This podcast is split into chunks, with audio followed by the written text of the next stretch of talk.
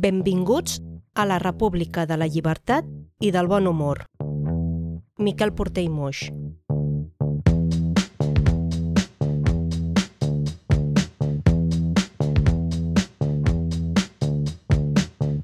En el món del cinema i també en el món cultural hi ha persones que deixen una empremta molt profunda.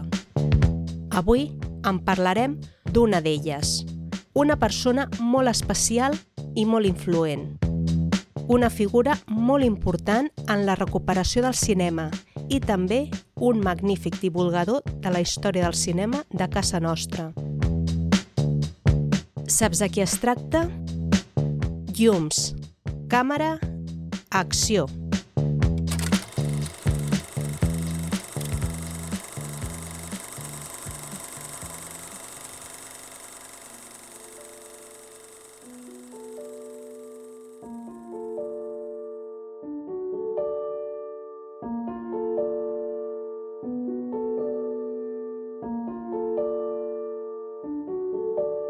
Tothom, em dic Núria Nadal i et dono la benvinguda al podcast La Butaca Vermella, un podcast en què t'explicaré la història del cinema d'una manera una mica diferent. En aquest episodi parlaré de la figura de Miquel Porter. Segurament el seu nom et sonarà perquè és el nom que té el guardó honorífic dels Premis Gaudí. En Miquel Porter va ser un home polifacètic. Va ser historiador, catedràtic d'universitat, crític cinematogràfic i divulgador del cinema català. De fet, podem dir que és el principal estudiós de la història del cinema català. Tot i que el seu nom està íntimament vinculat al món del cinema, al llarg de la seva intensa vida també va fer moltes altres activitats. Actor de teatre amateur, cantant, col·leccionista, guionista, membre de cineclubs i fins i tot sindicalista i diputat al Parlament de Catalunya. Podria estar hores i hores parlant sobre Miquel Porter i de ben segur que em deixaria alguns detalls. Avui, per sobre de tot, parlaré de la relació que hi ha entre el cinema i Miquel Porter, però sense oblidar-me de tots els altres detalls. Sense anar més lluny, Miquel Porter va ser un dels fundadors del grup 16 Jutges, un dels impulsors de la nova cançó i diputat del Parlament de la Generalitat de Catalunya per Esquerra Republicana de Catalunya entre l'any 1982 i el 1984.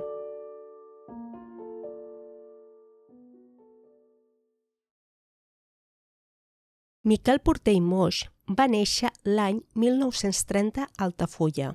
El seu pare, Josep Porter, era el propietari de la llibreria Porter de Barcelona.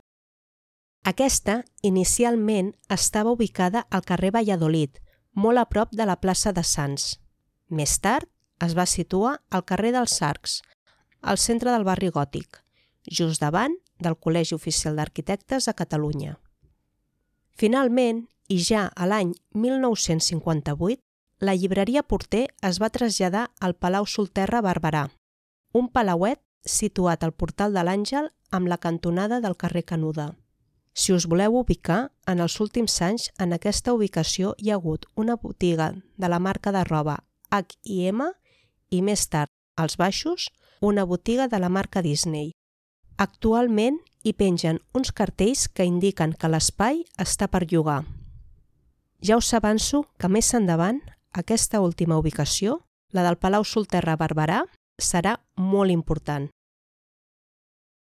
Així que el petit Miquel va néixer entre milers de llibres que li van donar una cultura més aviat poc habitual. Després d'estudiar als Germans Maristes, a l'any 1949 va ingressar a la universitat per estudiar Filosofia i Lletres. Es va llicenciar a 1955.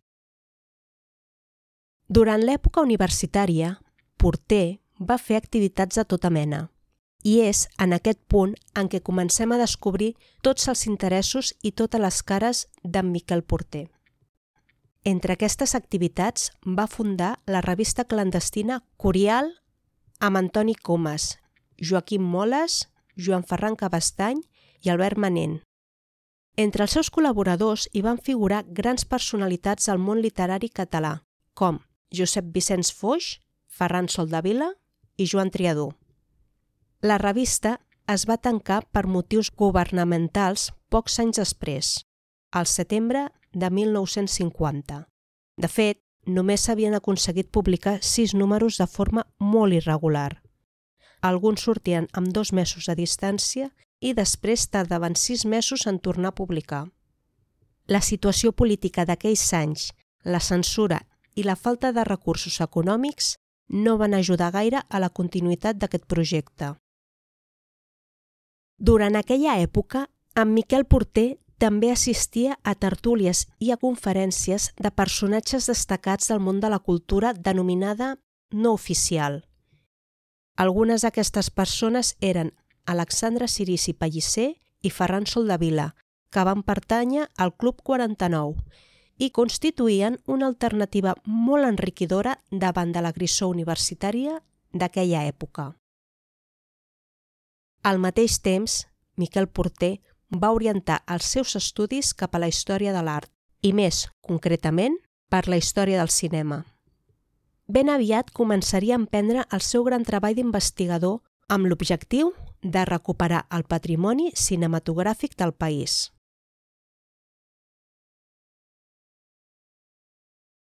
Entre tot aquest munt d'activitats, en Miquel Porter coneix a Guillemet UR, companya d'estudis d'en Miquel, l'any 1956 es casen. Guillemet UR, l'Amet pels amics i companys, va ser una filòloga i una traductora bretona. Ella era l'encarregada de fer traduccions al francès i subtitular diversos films d'art i assaig. A més, Guillemet acostumava a fer les revisions, correccions d'estils, índexs i bibliografies de les publicacions d'en Miquel. De fet, Guillemet va ser una gran col·laboradora en l'obra Cinematografia catalana 1896-1925, publicada per l'editorial Moll. L'any 1957 va fundar, juntament amb el seu marit, el primer cineclub infantil de Catalunya, un cineclub que gestionaria durant uns quants anys. L'any 1958 també va contribuir a la fundació i al primer desenvolupament de COCICA, acrònim de Col·lecció Cinematogràfica Catalana, una col·lecció que estava ubicada als pisos superiors de la llibreria Porter. De COCICA en parlaré una mica més endavant.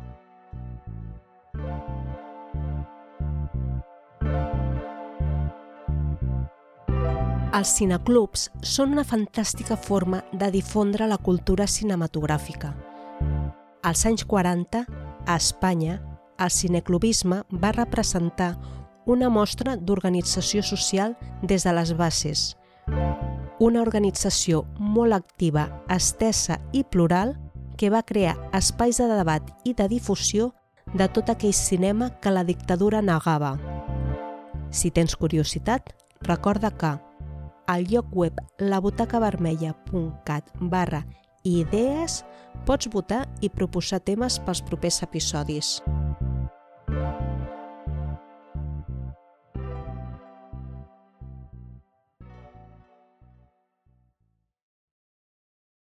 El mateix any en què Miquel Porter es va casar en Guillemet, havia de començar el seu treball docent com a professor d'art contemporani a la Universitat de Barcelona.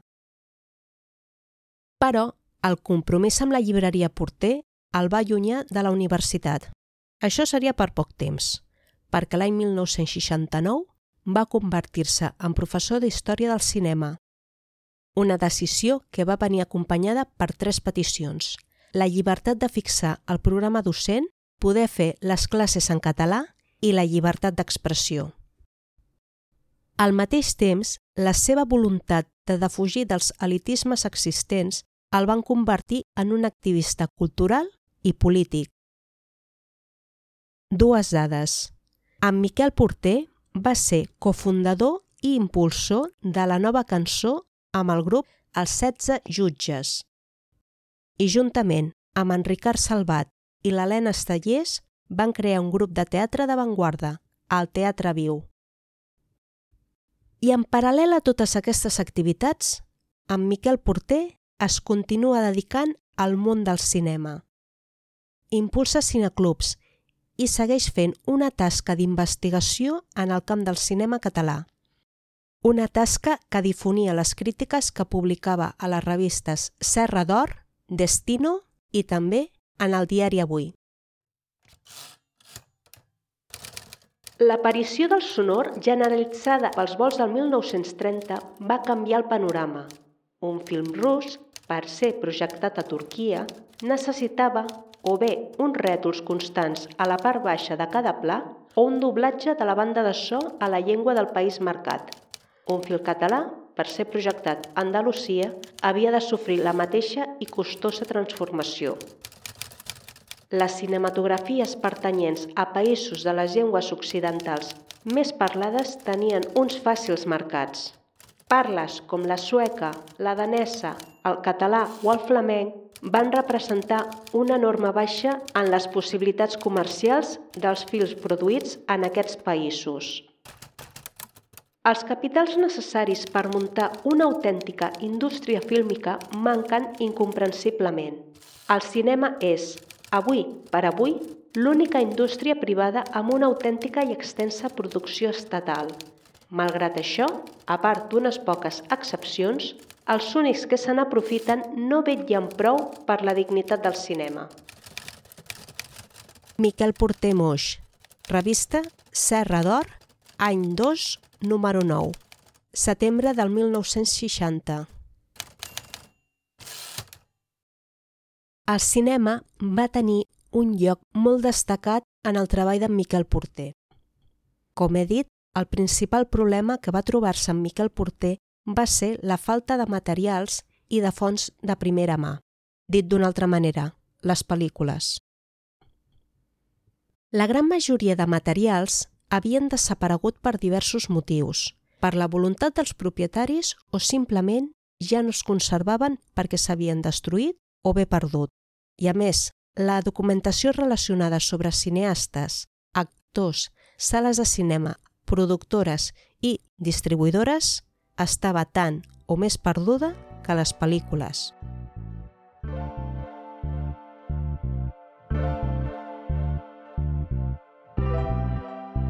Si has escoltat els anteriors episodis del podcast, en el capítol que correspon a la primera part de la breu història del cinema català, ja menciono el motiu pel qual hi ha moltes d'aquestes pel·lícules que s'han perdut. Abans dels anys 40, les pel·lícules eren de nitrat de cel·lulosa, un material molt sensible i altament inflamable. Per aquest motiu, moltes de les pel·lícules d'aquella època no s'han conservat.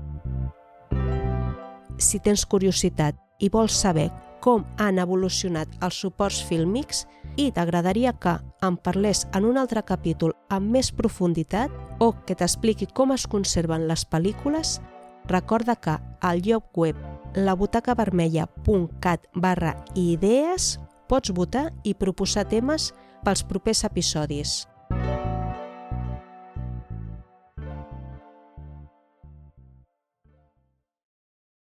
La reconstrucció que volia portar a terme amb Miquel Porter no va ser fàcil. La falta de material i de documentació es va haver de compensar amb un altre tipus de documents, fotografies, guions, contractes, catàlegs o anuncis publicitaris. En aquest punt, és molt fàcil deduir que, gràcies a la formació d'en Miquel Porter a la llibreria del seu pare, de la qual hem parlat al començament d'aquest episodi, va ser molt útil per poder reconstruir tota aquesta història. Gràcies a tot aquest treball, el 1958, Miquel Porter funda COCICA, acrònim de Col·lecció Cinematogràfica Catalana. COCICA estava ubicada a la primera planta de la llibreria Porter, la llibreria que en aquell moment ja estava ubicada a la seva última localització, al Palau Solterra Barberà. En una entrevista, en Miquel Porter confessava que sempre havia guardat coses relacionades amb el món del cinema. Com estava treballant a la llibreria, també estava familiaritzat amb els catàlegs estrangers. Així que, quan tenia oportunitat, anava encarregant els materials que considerava interessants. Paral·lelament, havia començat a reunir pel·lícules antigues catalanes i d'altres orígens. Unes pel·lícules que les comprava a pes en els mercats antiquaris com el Mercat Dominical de Sant Antoni o els Encants Vells, també coneguts com la Fira de Baicaire o simplement els Encants a les Glòries. Aquestes pel·lícules costaven unes 75 pessetes al quilo de material, una ganga tenint en compte que un llargmetratge, el pes, podia costar aproximadament unes 750 pessetes.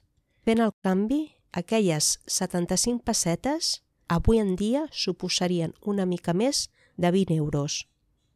Aquest detall unia dues línies molt presents al llarg de la seva vida, el llibreter de Vill i l'estudiós de la història de Catalunya.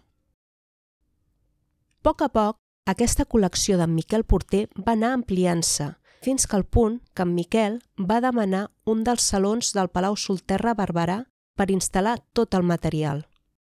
De cop i volta, aquell saló es va convertir en un museu del cinema per la via pràctica. Amb la creació de Cocica, en Miquel Porter tenia al cap crear l'embrió d'una cinemateca catalana que fos a l'estil de la cinemateca francesa i no pas el que hi havia a Barcelona. Als anys 60 va existir una filmoteca oficial a Barcelona i dic oficial entre cometes perquè es tractava d'una delegació de la Filmoteca Espanyola de Madrid a Barcelona. Això sí, la seu de Barcelona només es dedicava a la projecció i no pas a la conservació i preservació de material fílmic. Cocica va acabar esdevenint un centre d'estudis que, més, era un dipòsit de pel·lícules i d'altres objectes relacionats amb el cinema. Entre els materials que acollia Cocica es podia trobar diversos elements. El primer, una biblioteca de llibres relacionats amb el cinema, que va arribar a acollir uns 2.200 exemplars. Segon, una col·lecció d'objectes relacionats amb el cinema. Entre aquests objectes hi podíem trobar projectors, llanternes màgiques, zootrops, gramòfons, fonògrafs, etc. I, finalment, un dipòsit de pel·lícules. Aquest últim era un tema molt delicat i molt perillós. El principal problema del dipòsit era el tipus de material en què estaven fetes les pel·lícules, l'acetat i el nitrat de cel·lulosa. Tot i que l'acetat és una mica més estable que el nitrat, els dos materials són materials molt sensibles i molt inflamables. En definitiva, mantenir el dipòsit a la llibreria era un perill públic.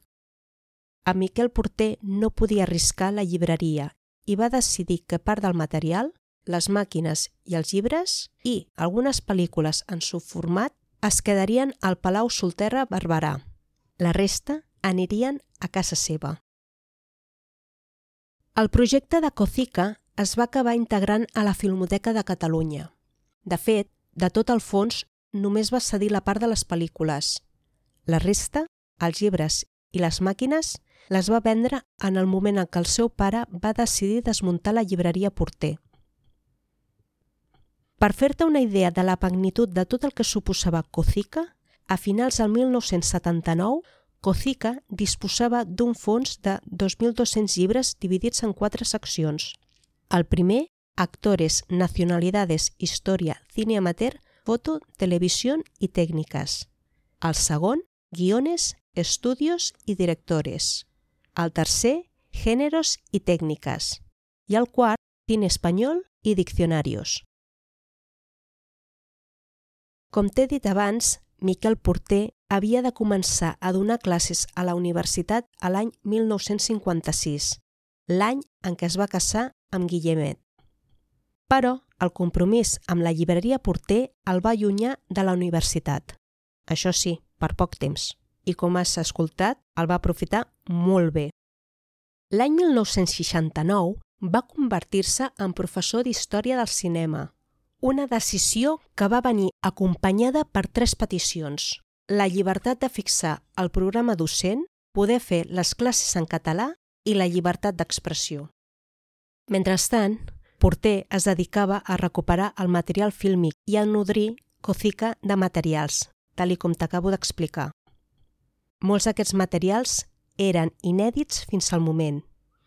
En paraules de la doctora Palmira González, el documentalista Miquel Àngel Pintanel i altres alumnes amb Miquel Porter, recordo que sempre deien que les seves classes estaven plenes, des de l'inici del curs acadèmic fins al final. Unes classes que, més, els alumnes podien tocar materials o treballar directament amb fotografies, diaris, cartells, guions o fragments de pel·lícules. Per en Miquel, l'ensenyament de l'assignatura havia de tenir una vessant pràctica, una vessant molt poc habitual en aquell moment en els estudis de lletres i, per què no dir-ho, també ho és ara. La recerca de documentació podia fer-se en els jocs més habituals, com podrien ser els arxius, les filmoteques o les cinemateques, o bé en altres de desconeguts o nous, com les aportacions familiars, els papers de sales de cinema, entrevistes, ajuntaments, centres cívics o biblioteques privades. D'aquesta manera, els alumnes s'iniciaven en la recerca historiogràfica de la matèria i, en molts casos, continuaven després la dèria i feien estudis de postgrau o d'altres activitats relacionades amb la història del cinema. Un sistema que precisament la doctora Palmira González i el doctor Josep Lluís han continuat en les seves classes i als quals els estic profundament agraïda. I mira, la dèria també continua. En Miquel Porter va aconseguir el primer doctorat en cinematografia de l'estat espanyol l'any 1975. Poc després es convertiria en el cap de servei de cinematografia de la Generalitat de Catalunya, un càrrec que va ocupar fins al 1986 i des d'on va impulsar la creació de la Filmoteca de Catalunya. D'una altra banda, a partir d'aquí va començar una relació cada cop més intensa entre la Filmoteca i la Universitat de Barcelona, una col·laboració de la qual han sortit treballs molt interessants. De totes les investigacions sobre els interessos del Miquel Porter van veure a la llum tres treballs.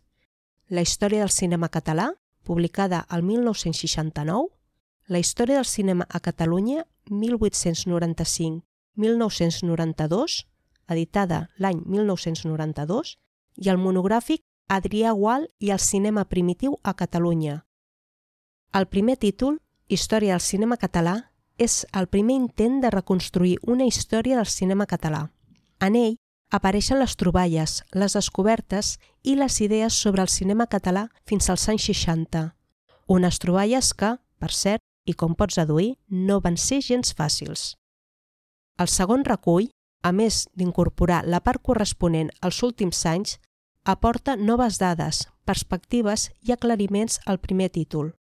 I el tercer és la tesis doctoral que en Miquel Porter va presentar a la Facultat de Geografia i Història de la Universitat de Barcelona. En ell podem trobar un anàlisi històric i crític dels films del dramaturg Adrià Gual que va realitzar durant el període de la Primera Guerra Mundial. En Miquel Porter va morir a Altafulla l'any 2004. L'any 2014, coincidint amb el desè aniversari de la mort de Miquel Porter, es va fer un homenatge en honor seu. L'acte es va celebrar a la Facultat de Geografia i Història de la Universitat de Barcelona i també, des d'aquell any, el Premi Gaudí d'Honor de l'Acadèmia del Cinema Català porta el seu nom. Com has pogut escoltar, en Miquel Porter va ser un home polifacètic i amb una vida molt intensa, intensament cultural. Gràcies a ell es va poder recuperar molt del patrimoni cinematogràfic del nostre país i també la Filmoteca de Catalunya. Malauradament, jo no vaig ser alumne seva a la Facultat d'Història de l'Art, però sí que vaig tenir l'oportunitat de conèixer molts dels seus alumnes, com la doctora Palmira González, el doctor Josep Lluís i el documentalista Miquel Àngel Pintanel, entre molts altres companys i amics de professió. Tots ells tenen una cosa en comú, la fascinació pel món del cinema.